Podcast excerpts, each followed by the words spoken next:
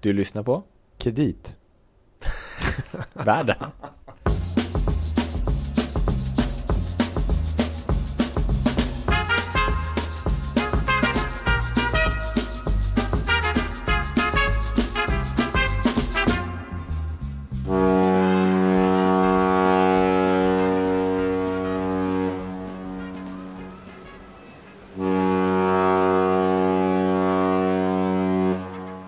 Blåser Louis. Ja, det tutar. Ja, Ska vi ut och resa? ja, det drar här uppe på, på övre däck. Härligt. Ja. Äntligen ut och, ut och se sig om igen. Jag har saknat det faktiskt. ja. Men det, är det, vilka, vad är det för vindar vi känner som drar runt vår kalufs? Är det, Det är de populistiska vindarna som blåser de. just nu. det är därför det blåser så den kallt? globala, det, det är den här miljö... Nej just det, den fanns ju inte enligt en viss person. Ja, miljö, miljöproblemen. Ja, just det. Det är politiska vindar kanske Mm. snarare. Det skulle det kunna vara. Mm. Eh, vad är det för båt vi befinner oss på? Eh, jo men vi är ute på en resa med Club Med. Ja. Vi tänkte att nu eh, efter eh, Trumps seger i USA, eh, då börjar vi fundera på de här vindarna som blåser, om de också blåser här i Europa. Mm. Och eh, ja, vi har inte pratat så mycket på sista tiden om vad som händer i Sydeuropa. Nej.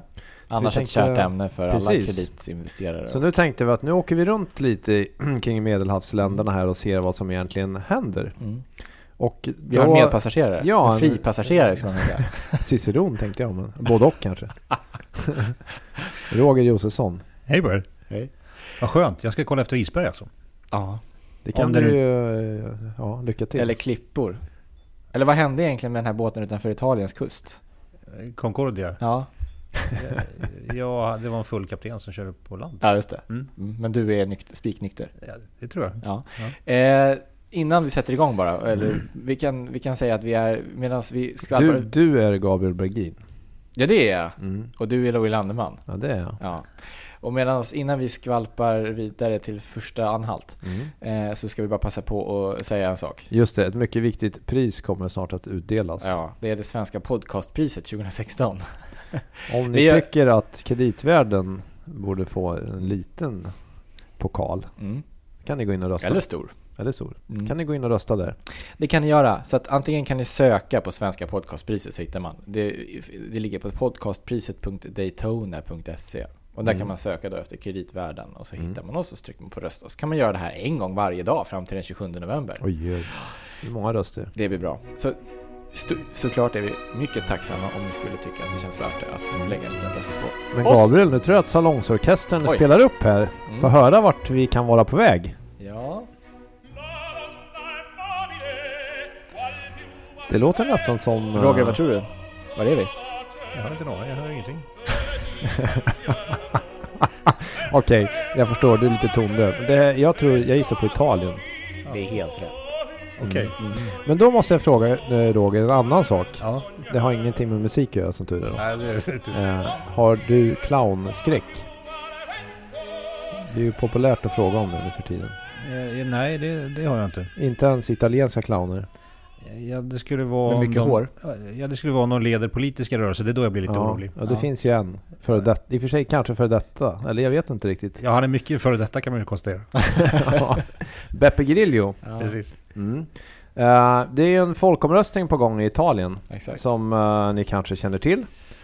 Eh, Den 5 och, december. till att börja med, ja Fjärde. 4 december? Fjärde. 5 Mm. december vet vi. vad Ska vi, Roger, vad, vad går den ut på den här folkomröstningen till att börja med? Eh, ja, i grund och botten är det väl en, en ganska sund fråga. Det, det handlar ju nämligen om att centralisera en del av makten från regioner och kommuner och också att försöka då eh, frigöra liksom en del av beslutsutrymmet från senaten och skifta det över till eh, Italiens motsvarighet till representanthuset kan man säga. Men det, det lät som att du var enkom positiv till det här förslaget. Det, Det låter ju- inte som jag eller?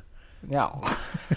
jag tänkte bara att det lät som förstatligande och centralisering av makt. Är det alltid... Eh, Det är inte alltid bra men man får nog säga så här mycket att i Italiens fall skulle det nog vara mestadels av godo. Det är klart att det finns en del frågetecken runt det och sådär. Och självklart är för mycket makt i händerna på för få människor alltid en risk. Men så att just i Italiens fall får man väl konstatera att ett av deras stora problem genom åren har ju varit att de har haft eh, väldigt svårt att fatta beslut. Eh, Senaten har ställt sig emot det och regionerna som också har förhållandevis mycket makt har ställt sig emot vissa beslut också. Ja, man pratar om så här infrastrukturprojekt till exempel som är väldigt svåra att det? iscensätta, höll jag på att säga. Ro i hamn. Mm. Just för att det finns många regioner som sätter sig emot eller vill Precis. bestämma själv. Så då tycker man egentligen att de flesta borde vara, kanske vara för det här förslaget. Men då är det så att den här uh, sittande regeringen, eller Matteo Renzi, Mhm.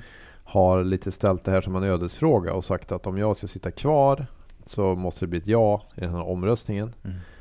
Och då har det någonstans mobiliserat alla som eh, på något vis inte gillar regeringen och så vidare. Att de gör e-, enad front här nu att man ska rösta nej lite grann. eller? Ja, den här anti-etablissemangsrörelsen som vi har Mm. sett på olika håll och kanter verkar ju även i Italien liksom ha fått lite luft under vingarna efter det här.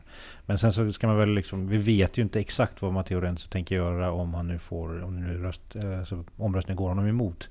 Han har ju varit lite skiftande i den frågan. För en vecka sedan ungefär så var han väl igen då rätt så tydlig och sa att han skulle avgå. om en tid tidigare har han sagt att han får se hur det blir och sådär. Så vi vet inte riktigt. Men hur som, hur som haver så skulle ju det försvaga Matteo Renzi väldigt, väldigt kraftigt. Om han, om Jag tror vid något tillfälle har han till och med sagt att han inte tänker sitta kvar som någon sorts interimsregering utan då försvinner han och då är man ju lite orolig för att det ska bli någon sorts kaossituation eller att det skulle kunna leda till nyval i alla fall. Ja, ja alltså, nu får man ju komma ihåg att i alla fall inte jag är någon expert på italiensk politik. Men man kan ju bara konstatera tycker jag att tre av de fyra största partierna i Italien har ju någonstans utlovat en, en, en omröstning om EU och euron om de nu skulle komma till makten. Och det är klart Mm. att det är väl där någonstans som det börjar bli lite eh, mer skakigt igen helt enkelt. Men vad finns det för scenarier för att säga att man röstar nej då till det här förslaget Mm.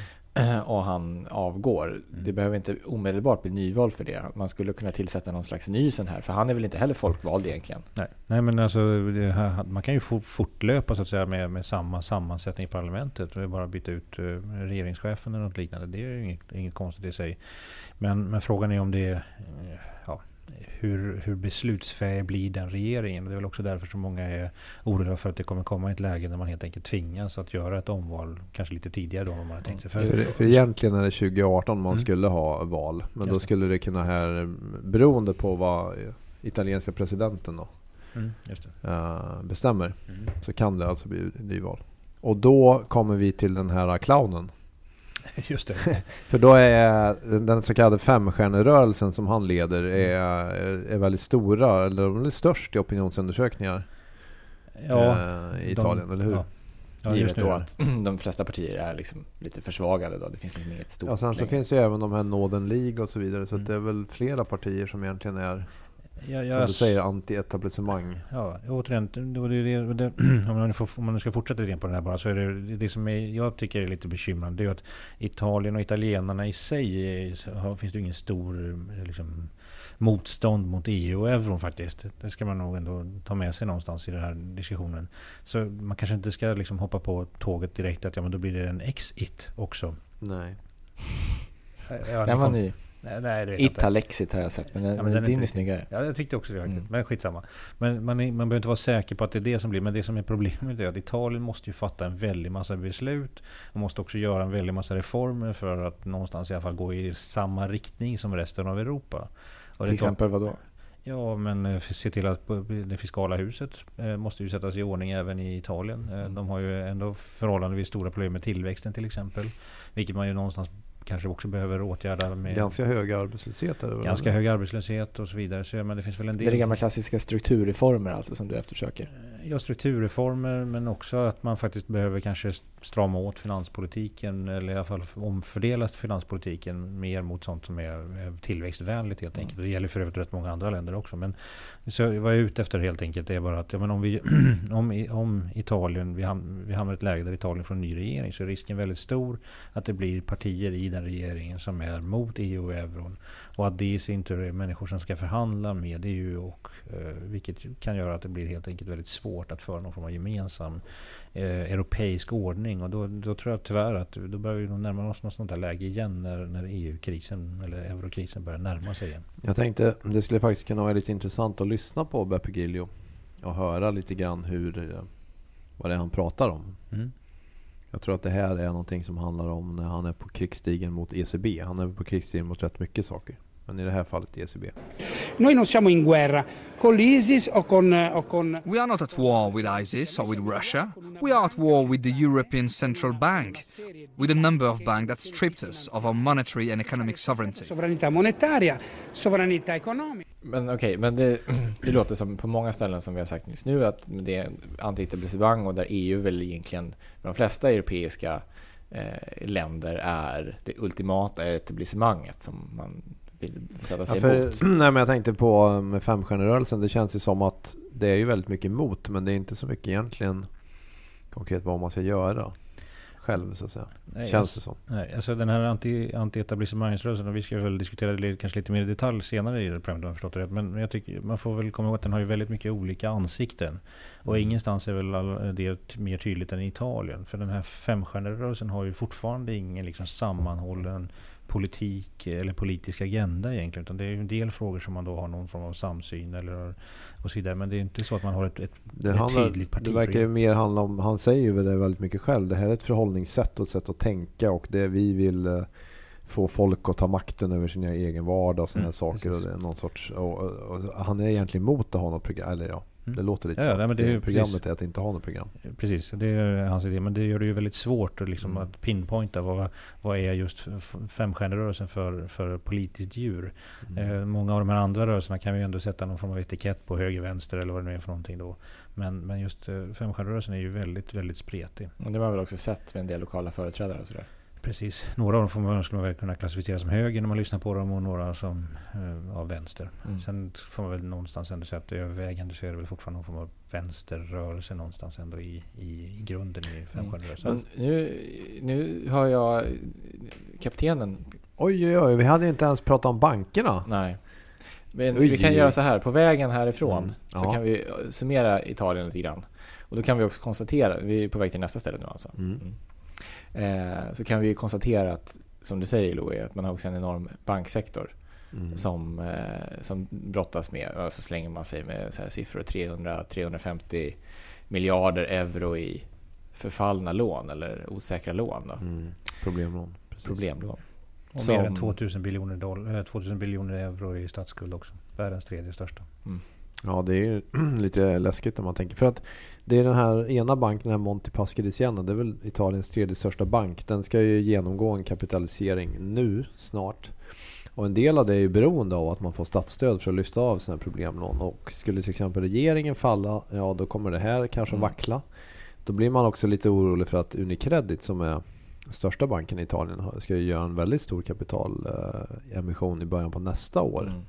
Då blir man osäker. Kommer de att kunna göra det och så vidare. och Så, vidare. så det är inte så svårt att måla upp ett negativt scenario kring Italien. Men eh, vi får väl se. Ja, nej, ja, men alltså, jag, jag tycker generellt det här med eurokrisen, man kan ju tycka att, att den är i mångt och mycket över, eh, överstående. och så Men jag tror som vi har pratat om eh, för alla de här programmen vi har pratat om eh, det europeiska samarbetet så handlar det väl lite grann också om att det, det är politiken som sätter agendan. Det är inte, jag tror inte det kommer bli liksom, jag tror vi har liksom kommit ifrån lite grann det här att det är ekonomin som kommer utlösa det i första hand. Utan det kommer vara att man, man liksom fattar politiska beslut eller den politiska agendan ser det helt annorlunda ut och det är det som kommer göra att, det blir, att krisen i så fall kommer tillbaka igen. Så det är det snarare som kommer, om det nu kommer en ny eurokris. Så det hänger väl ihop i och för sig. För om, om man uppfattar det ungefär som i USA att eh, ekonomin, man får inte liksom någon hjälp och det, man, har- ja, man har det tufft. Mm. Då röstar man fram andra. Precis. Och det leder oss utsikt in på nästa resmål. Mm. Ska vi lyssna på Ja, jag hör- jag hör hur- Salongsorkestern? Jag hör hur den börjar spela här i Mm. fjärran. Mm. Nu då Roger? Nej, jag har fortfarande ingenting. Nej. Ja, Grekland. Ja, Ja, och det här är lite spännande för att de har ju haft en, eh, en populistisk, om man säger så, regering. Eller före detta populistisk, eller hur man nu ska se det. Men den verkar ha blivit ganska impopulär nu. när man sitter vid. Postpopulistisk. Ja. För det kan ju vara lite intressant om man tänker på hur det skulle kunna utvecklas i USA också. Det är inte, det är inte så lätt att om man lovar brett och, så, och sen leverera på alla löften. Och kanske är det lite det som har hänt här i Grekland. Eh, ja, eh, ja, det finns ju eh, många som kommenterar eller har kommentarer i, i linje med att nu har Grekland gjort den här populistiska svängen och den funkar inte så nu återgår man igen då till mer etablerade liksom, spelare. om man tittar på opinionsundersökningar så har väl det här gamla klassiska Ny Demokrati Just fått en inte svenska då. upp. Bert och Ian. För Bert ska väl tillbaka in i politiken? Är det det han? Nej. Han har inte flyttat dit. Skulle man kunna tänka sig i och för sig. Eh, för de har fått ett ordentligt uppsving och det är så här gammalt klassiskt å- mitten höger etablissemangsparti. Ja, Typ. Alla Grekland får Alla Grekland, ja, såklart. Absolut. också lägga till. Men där Tsipras då som svingades in i politikens centrum för ett par år sedan Mm. och blev premiärminister nu har jättelåga förtroendesiffror. Mhm. Nej men eh, Tsipras har väl, är väl ordentligt stukad får man säga. Eh, det har ju varit en, en del, eller väldigt många också interna liksom, stridigheter i Grekland om allehanda liksom, saker om utnämningar och tv-licenser och eh, markauktioner och vad, vad det nu är för någonting. Så det, det, de har blivit försvagade av fler saker. Men, men helt, alltså, det har väl ändå stått klart rätt länge och det säger jag inte bara som för att jag vill vara lite efterklok utan det har stått klart rätt länge att när, i, i, i samband med att Tsipras liksom böjde sig där efter folkomröstningen mot för, för IMF och framförallt för EU så har det liksom inte varit något att snacka om längre. Utan han eh, har blivit lite grann av en marionett någonstans eh, trots allt för, för, eh, för EU och trojkan. Men det finns väl ett par saker som man pratar om som gör att man kan vara lite positiv på Grekland. Det är väl dels att de, de överträffar sina prognoser för alltså budgetunderöverskott. Vilket i och för sig man kan diskutera vad var de prognoserna från början. Mm. Fast det är ju, ja, alltså, ja, jag vet att det är, det är någon form av gängse bild att det ser rätt bra ut i Grekland just nu. Och Ja, det, det kan man väl på ett sätt hävda, men det är ju extremt mycket one-offs.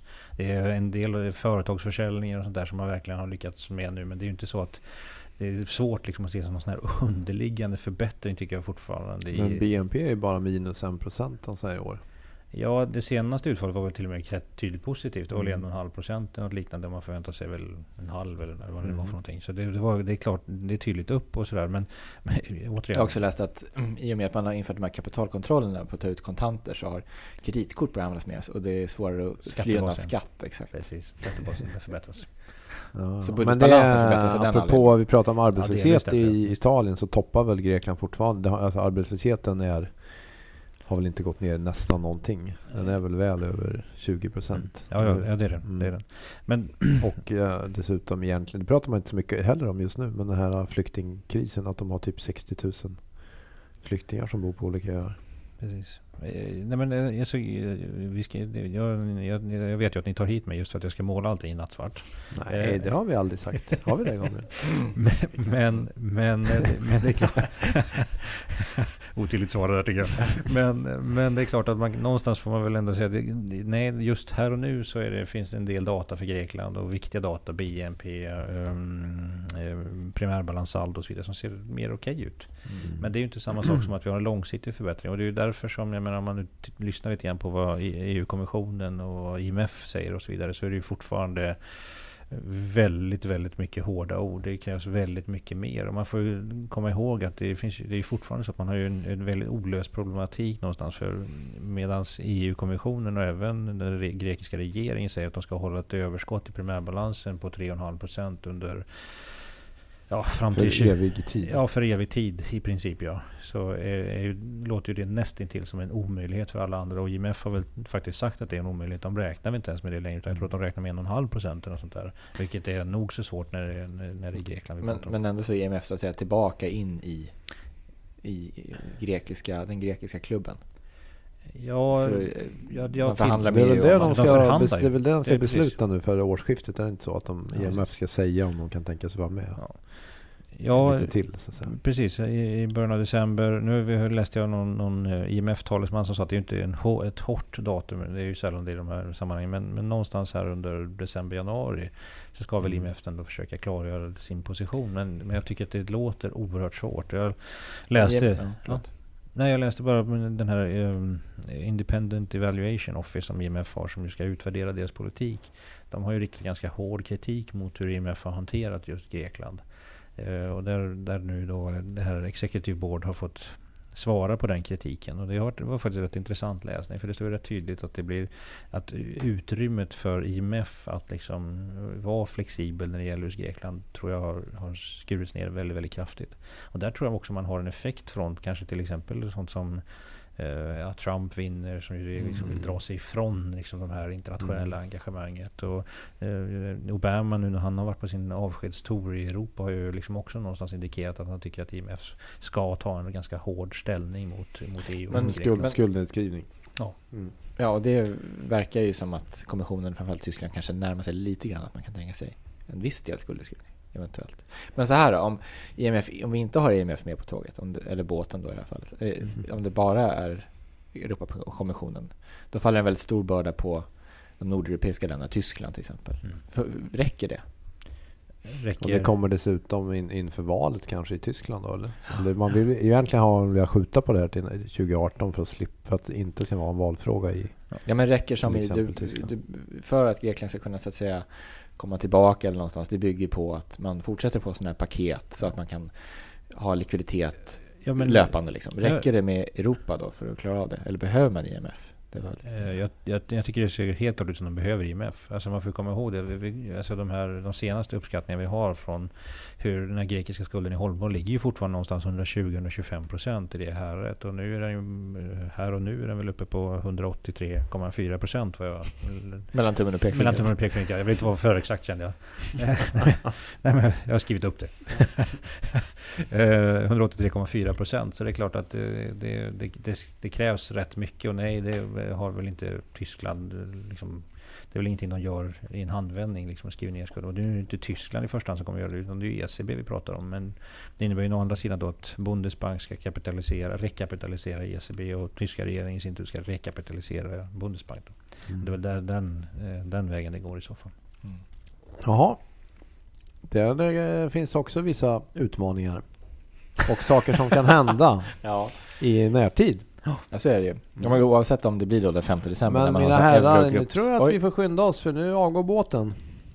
det var, var det där högtalaren som ropade ut mig eller? Ja. ja. Alle man på däck. Ja, då åker vi vidare. Okej, Och jag hör spännande. musiken i fjärran igen.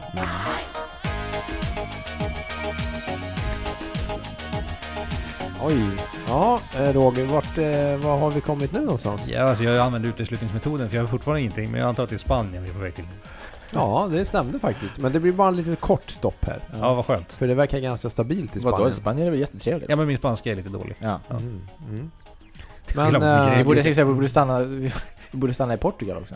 Ja, det skulle vi kunna göra. Ja. Ja. Tiden tillåter tyvärr inte detta. Nej, så är det. Men äh, ja, men Spanien, eh, nu har de i alla fall en regering. Ja, grattis säger vi till alla spanjorer. Bra, då åker vi vidare. Men det är ju lite som i Sverige, det är en minoritetsregering. Ja, som det, får ta sig fram med liksom lite vacklande stöd från olika håll och kanter. I Spaniens fall, där kan man tycka vara mer tydligt positiv. För där Mm. kan vi inte se, där är det lite svårt tycker Va? jag. Till och med Roger. är- Ja, men där är det svårare Mm, att identifiera. Ja, tack. Eh, Där är det svårt, tycker jag, svårare att identifiera liksom några stora risker som skulle vara domestikt drivna. Utan den stora risken för Spanien, det är ju helt enkelt att den här regeringen vi har inte, inte håller ihop helt enkelt. Mm. Att den faller och att vi då får Mm. någon, någon som tillkommer som tänker föra en annan politik. Det är ju det som är den stora risken. Men just nu är det de här Partido Popular. Ja, just det. den här, äh, om man kallar Podemos i Spanien då för också något kanske av en, en populistisk rörelse så har ju den försvagats egentligen efter de här nyvalen då för att man inte man blev ju aldrig tillräckligt stor för att kunna bilda regering och nu sitter man väl i någon sorts, egentligen ingen vågmästarposition heller. Alltså, eh, Podemos har ju lite, en eh, lite annan historia. Många Mm. av de här andra, om man tar Syriza och även om man Mm. tar, framförallt om man tar den här femstjärnerörelsen. Podemos var ju ett, ett rätt tydligt vänster, vänsterradikalt eh, ingrepp får man säga från början. Men Mm. har väl någonstans eh, fört, liksom förflyttat sig mot mitten någonstans under Mm. resans gång. Och det märks ju inte, inte minst i de här senaste, det här senaste året och i diskussionerna kring valet. Då, eller valen. Man fick ju en viss konkurrens också de här Ciudadanos som är någon sorts, det är också ett nytt parti. Eh, Och som nu väl stödjer Partido Popular. Mm. Jag tror att det, det, som är, det, det som man ändå hamnar i någonstans tror jag i Spanien, det var ändå att man, där har man ju varit red, där, har man ju, där har det ju redan vänt tillväxtmässigt och arbetslösheten är på väg ner och så vidare. Så där, där har man ju en mer tydligt positiv ändå utveckling, vilket jag Mm. tror gör att man då har tänkt att här, vi kanske inte riktigt ska hoppa på de här populistiska tågen allt för tidigt, utan man har liksom valt att hålla i någonting som verkar funka. Gick Sen- inte Podemos tillbaks lite efter Brexit? Eller hur? Så att man kanske också såg det där att Precis. man blev lite oroad. Det var, det var väl i och för sig, nu kom det precis efter Brexit och det, men det såg vi över hela, även i Sverige så såg vi att ett Mm. ökat faktiskt stöd för, för Europa och EU efter, Mm. efter Brexit. Det var väl som någon form av motreaktion antar jag mot, mot just att det blev en Brexit. Mm. Men, men som sagt, Podemos, och, eh, eller Podemos, eh, Partido Popular och Rajoy har ju fått, får man väl säga, förlängt mandat någonstans att fortsätta sin politik. Och det får man väl tro att de kommer att, att göra. Och jag, jag tror som sagt att får de göra det och inte får någon större chock mot världsekonomin som gör att BNP drastiskt bromsar in i Spanien. Då, då kan det väl fungera Finns det något man ska hålla utkik efter? Ja, det är ju den, återigen den politiska situationen. För det är klart att det som man är, är väldigt rädd för är ju liksom att det blir ett nyval eller man inte får igenom vissa frågor och, mm. att det blir ett nyval igen och att vi hamnar i någon sån här politisk limbo. För det, återigen, alla de här länderna är ju i en situation där de måste genomföra ganska stora reformer och där de måste liksom vara lite grann på tårna när det gäller framförallt ekonomisk De har ganska stort budgetunderskott fortfarande ju. De har ett väldigt stort Alla de här länderna ja, har väl egentligen det. Mm. Precis, och det är därför som det, liksom, det kommer krävas fortsätta. Och det säger ju IMF också i sina utvärderingar. Det gäller ju för övrigt Portugal som också har varit lite grann av ett posterboy. Det är det land som vi faktiskt har slutat prata om i de här sammanhangen som vi inte kommer passera med den här färjan i alla fall. Det är ju Irland. Och där, där, det har ju verkligen varit posterboy. Det förväntar jag mig inte på en kryssning i Medelhavet att det ska hända i Irland faktiskt. Man vet aldrig med de här men, klimatförändringarna vad som kan hända. Nej. Klimatförändringar och sen, jag måste säga att jag tillsammans med mina grabbar kollat på väldigt mycket sådana här, du vet, att hamna i sådana här maskhål grejer. Jag vet inte, man kanske kan hamna i Irland. Var man, var som helst. Pennsylvania hamnar man där plötsligt.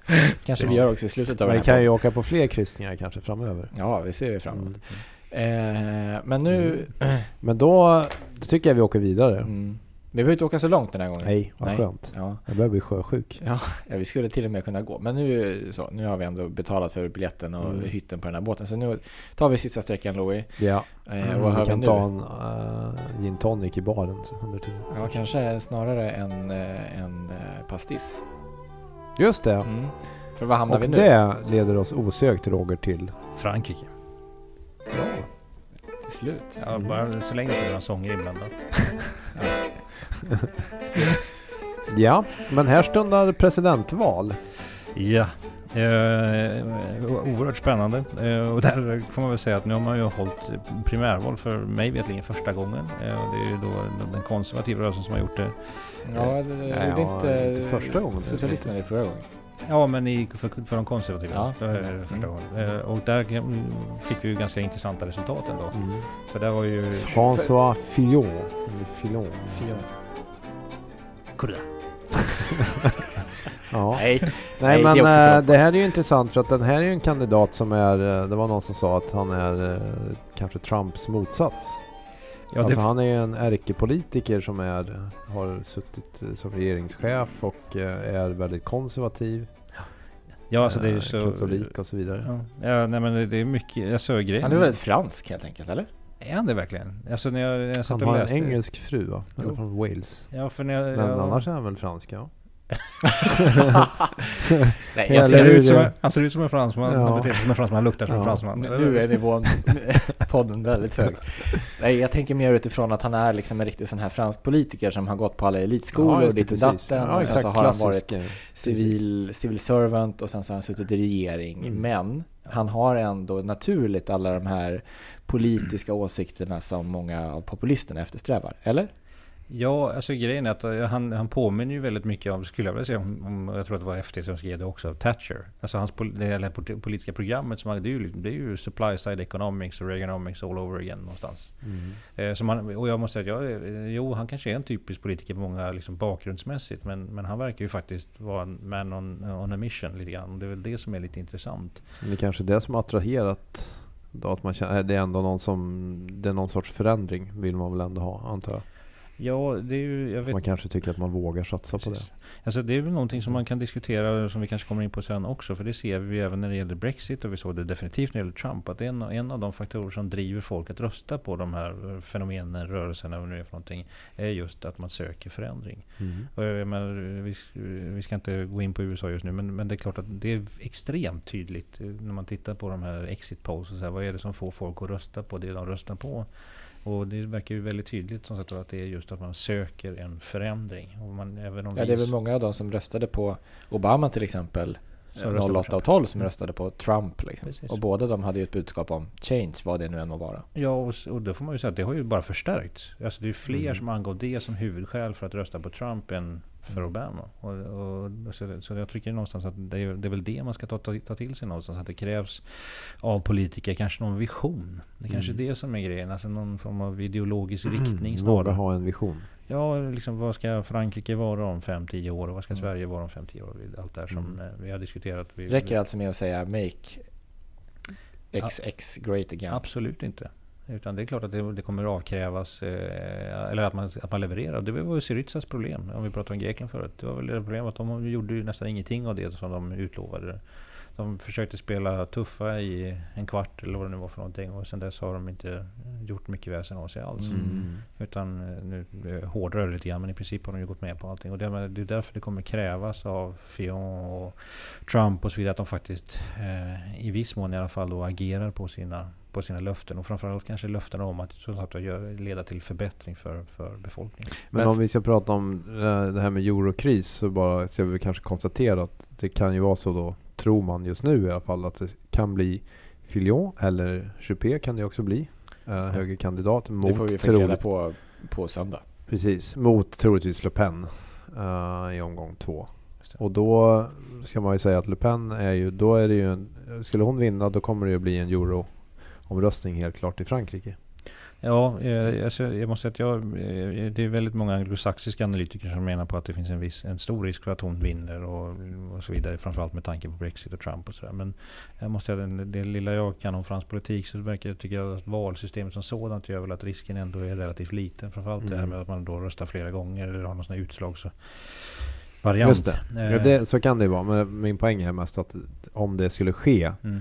Så skulle det alltså om Frankrike skulle vilja ha en folkomröstning om euron. Det skulle kunna bli lite läskigt. Det är ju faktiskt inte, jag vet inte den frågan isolerat. Ja, det kanske skulle bli ett ja till euron. Men det är väl inte helt givet i Frankrike heller. Nej, Frankrike är ju mindre i EU och europositivt Mm. än till exempel Italien. Eh, Ja, så, precis. det, så visst finns det en sån risk. Men så att Det är lite märkligt någonstans. Ja, Men, ja.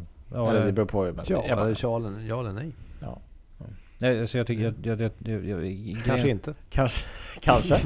kanske inte. Är ni Nej, men jag tänker eller? på att du har, ja, man bara tänker netto eh, bidrag eh, Mm. och så vidare till EU-budgeten och vilka som får dessa i respektive land och så Ja, vidare. just det. Jo, Ja. precis. Men det är väl en det, Jag tror att det är en upplevelse av att man har stora liksom, stagnationsproblem i själva landet.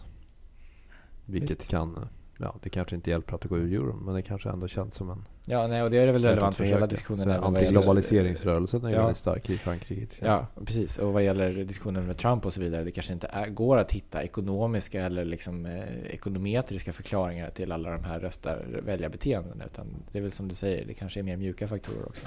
Mm. Eh, nu ska vi inte eh, åka på kryssning, men ska vi, det har vi ju gjort precis. Men ska vi prata lite om USA avslutningsvis? Eh, ja, det kan vi Vad, göra. vad, ska inte vi tro om, vad, ska vi veckorna, tro, så- vad ska vi tro om eh, Trump som president? Vad kommer att hända tror du? Roger? Nu vill jag ha en Oj. exakt estimat på antal Mm. miljarder dollar i infrastrukturinvesteringar och en skattesats och sådär. Ja, all right. Eh, jag, jag, alltså, min bild lite grann att just nu i alla fall, fram, och kanske fram till han, han de facto tillträdde här, vad är det, 18 januari va? Så eh, har man väl gett honom verkligen benefit of a doubt. Eh, och det verkar, tycker jag, lite grann som i den disk- diskussion vi har i alla fall med investerare och andra kunder. Så är det ju att ja, men, man tror någonstans att Donald Trump ska göra allting som han har lovat som möjligtvis kan vara bra för tillväxten. Och att han inte ska göra, i alla fall inte i, i, i någon nära framtid, någonting av det som är dåligt för tillväxten. Så det har kort sagt varit en väldigt positiv tolkning av, av Donald Trump. Och grejen är att jag, jag, jag, jag tror man får väl liksom någonstans ändå erkänna, jag, men jag är ingen stor fan av Donald Trump. Men däremot får man väl ändå erkänna att det är klart att en del av hans politik kommer antagligen leda till till exempel högre tillväxt. Eh, man får inte glömma bort att det är ganska stora, det är ju ofinansierade stimulanser om 3,5-4 procent av BNP vi pratar om. Så det, det är klart att det är en jättelik stimulans. Sen är ju frågan om får de den effekt som många verkar förvänta sig och hur ser de de facto ut mer, mer i detalj och sådär. Där tycker Det kan man kan, bli ett skenande budgetunderskott också. Ja, det kommer att bli ett skenande budgetunderskott. De har ju redan Mm. cirka 5% av BNP i budgetunderskott. Och nu ska han öka på det då ganska kraftigt med en Från båda håll så att säga. Från båda håll, ja, precis. Och det, det vill ju verkligen till att hans löften om en minst 4% ökad tillväxt, att de infrias för att det ska funka.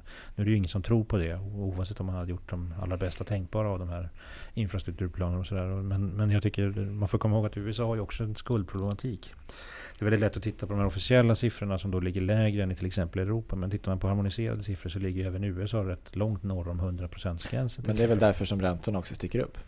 Ja, både och. Alltså jag brukar säga att man får nog fundera. Det, det tycker jag är faktiskt en bra, väldigt bra fråga. Varför sticker räntorna upp? För det är klart att är det, eh, är det på grund av att man tror att realräntan stiger. Mm. Då är det väl någonstans positivt. För det borde ju också innebära att det faktiskt finns någon förväntan om att real tillväxt ska öka. Mm. Men i den mån Eller ökad kreditrisk. Ja, precis. Men i den mån, ja, så kan det vara också förstås. Men jag, det var lite grann det jag tänkte med Förlåt. större inflations... Liksom, att det är det som är snarast i att det finns en inflationsrisk och det är den som driver det. Och då är det ju inte positivt förstås. Så jag tror lite grann att vi får nog lugna oss lite grann med, med de mer långsiktiga bedömningarna här. Men kortsiktigt, det är jättestora stimulanser och självklart borde de netto någonstans tycker jag ha en positiv effekt också på BNP. Mm. Den stora frågan är just, eh, kommer eh, räntemarknaden framförallt att reagera på ett sätt som balanserar bort eller ut de här positiva BNP-effekterna? Om räntan går upp snabbt så kan det bli en åtstramande effekt. Precis. Och som motverkar det här egentligen. Då. Ja, vi har redan, och det är ju inte bara ränta vi pratar om utan man får ju ta mm. alla finansiella förhållanden. Du ser på dollar dollarn till exempel som ju stärks, mm. väl, stärks väldigt mm. kraftigt också. Och från redan starka Vilket nivåer. i sig borde ha en väldigt, jag vet inte hur stor, men väldigt stor negativ effekt på tillväxten i USA ju. Ja, alltså vi ser ju redan, jag, har själv varit ute och pratat väldigt mycket om att OECDs ledande indikatorer som ser lite sådär kontraintuitiva ut. För resten av världen ser ut att gå rätt så bra medan USA ser ut att gå rätt så dåligt. Och det stämmer ju inte alls med vad man själv upplever. Mm. Men om man tittar på de här så kan man konstatera att det verkar väldigt, stämma väldigt väl, de här svängningarna de senaste åren, så verkar det väldigt väl stämma överens med till exempel ett brett dollarindex. Mm. Så det verkar som att eh, dollarkursen eh, i, i, i någon vid bemärkelse har väldigt mycket inverkan på mm. hur tillväxtförutsättningar för olika regioner och länder ser ut. Och däribland förstås också för USA. Då. Okay. Så det kan ställa till det lite. Men sen kan man, tänka, kan man tänka sig att det kan bli, eller ja, det är lite otäckt, men om man skulle bli på allvar oroad över om det här budgetunderskottet skulle bli liksom ur kontroll, då skulle ju räntorna i USA kunna gå upp jättemycket förmodligen. Det tror jag man får... Alltså, ja, det kan de göra. Sen samtidigt så har vi ju Federal Reserve mm, där någonstans. Nu får vi mm. se. Även där så är politiken väldigt eh, icke-transparent just nu. Vi får väl se vad, vad, Donald Trump landar i till slut när det gäller tillsättningen på Federal Reserve Board. Vad är det för typ av människor han tillsätter och så vidare. Men det är klart att med den uppsättning man har idag i alla fall så kan man konstatera att de är nog mer benägna att låta räntorna ligga förhållandevis lågt ändå. Eh, så skulle man se en, mm. en tydligt åtstramande effekt ja, i, i långräntor till exempel, och dollar, så tror jag nog att de blir mer, kanske, kommer bli mer och mer tydliga med att de kanske inte ska strama åt i den takt som man förväntar, många förväntar sig och så vidare. Så mm. jag, jag, tror nog att även Fed tycker väl någonstans att, eller hoppas väl någonstans att det här kommer ge de positiva tillväxteffekterna och att han liksom gör rätt typer av åtgärder. Men, men jag tycker innan vi liksom förlorar oss i någon sån här überpositiv tolkning av Trump så får man väl också konstatera att just just eh, hans eh, infrastrukturprogram som många har gjort ett stort nummer av är väl det som jag känner mig minst övertygad om faktiskt. Han kan inte prata så mycket om det nu. Nej, det, alltså, häromdagen bara så hade han ju någon genomgång av vad hans prioriteringar var. Och då kan man konstatera att det hamnar ingenting av de här tillväxtbefrämjande åtgärderna i princip på, på agendan. Utan bara sånt som hämmar tillväxten både i USA och omvärlden. Det var ju bara diskussioner om att riva upp eh, handelsavtal och det var bara diskussioner om att, att uh, ut, utvisa mexikaner till exempel. Mm. Vi så. vet helt enkelt väldigt lite. Ja, vi. Kanske han också. Eh, ja, alltså, det, får, det är ju lite grann det intryck man får också när man lyssnar på honom. Att han, han, jag, jag tycker bara det var rätt talande när han hade träffat Obama för första gången efter det blev klart att han skulle bli president. Att eh, han sa i, i en intervju att ja, det här var ju mycket mer och mycket större än vad jag någonsin kunnat föreställa mig. Det var inte direkt förtroendeingivande men det var säkert väldigt, det var säkert, ärligt. Ja, men det var säkert väldigt ärligt. Ja, ja, jo. ja men det, det kanske är det som är den generella Ibland. slutsatsen av, kanske inte, men delvis av den här populistiska vågen om vi nu tycker att det är en mm. sån, eller vinden som vi pratade om i början, Just är att osäkerheten mm. ökar generellt. Mm. Men då har vi lärt oss som Roger att man ska våga ha en vision som politiker. Ja. Kanske För alla politiker människa. som lyssnar på kreditvärlden. Våga ha en vision om snabbjärnväg till exempel. Varsågod Louis, fick du ja. en, jag klipper inte bort det. Eh, ska vi avsluta? Just det. Med att... Eh, ja, med risk för att vara lite tjatiga så Ja. gå gärna in och rösta Mm. på podcastpriset om ni tycker om det här. Ja. Eh, och vi brukar inte säga det så ofta, men eftersom vi ändå är i den här liksom, temat med självförhärligande också, inte bara apropå Trump, men också just det här podcastpriset, så passar vi också på att säga att om ni tycker att eh, kreditvärden tillför något i er vardag eller er helgdag, så eh, gå också in Vardag på, och till fest. gå gärna in på iTunes och lägga en liten recension. Sätt en kommentar så, Mm. så bidrar det väldigt mycket eh, på olika sätt. Annars så ser vi fram emot eh, mer frågor. Eh, skicka på Twitter eller till brev.kreditvärden.se så Mm. Kollar vi på dem och tar förhoppningsvis upp dem även i Mm. podden. Eh, och jag tror att man kan, ställa, man kan också höra av sig till dig Roger om man har några specifika frågor angående dina... Alla svåra frågor kan ni ställa till Roger. Ja, om man, om man, vill, om man vill ha en specifikation av vad som bygger upp 183,4% till exempel så kan man mejla Roger. Ja, det ska Ja, det jag mejla tror jag och fråga. För det här blev jag nyfiken på. Då så, Tack så mycket. ha en Tack Roger, trevligt att ha med dig på denna seglats. Kanske inte var men glad första Ja, advent båttur. säger jag. Fast det var dimmigt, kallt och det var isberg på, på horisonten. Den här dysterkvisten, vi får ju fundera på hur mycket vi ska ha med honom på våra resor. Jag ska i alla fall tända ett ljus i helgen. Just det. Tänd ett brinna. hus och låt det brinna. Tänka på Nej, ett det var evangelium. Ja. Jag säger inte vilket. ja, Okej, tack så mycket. tack. Hej. Hej.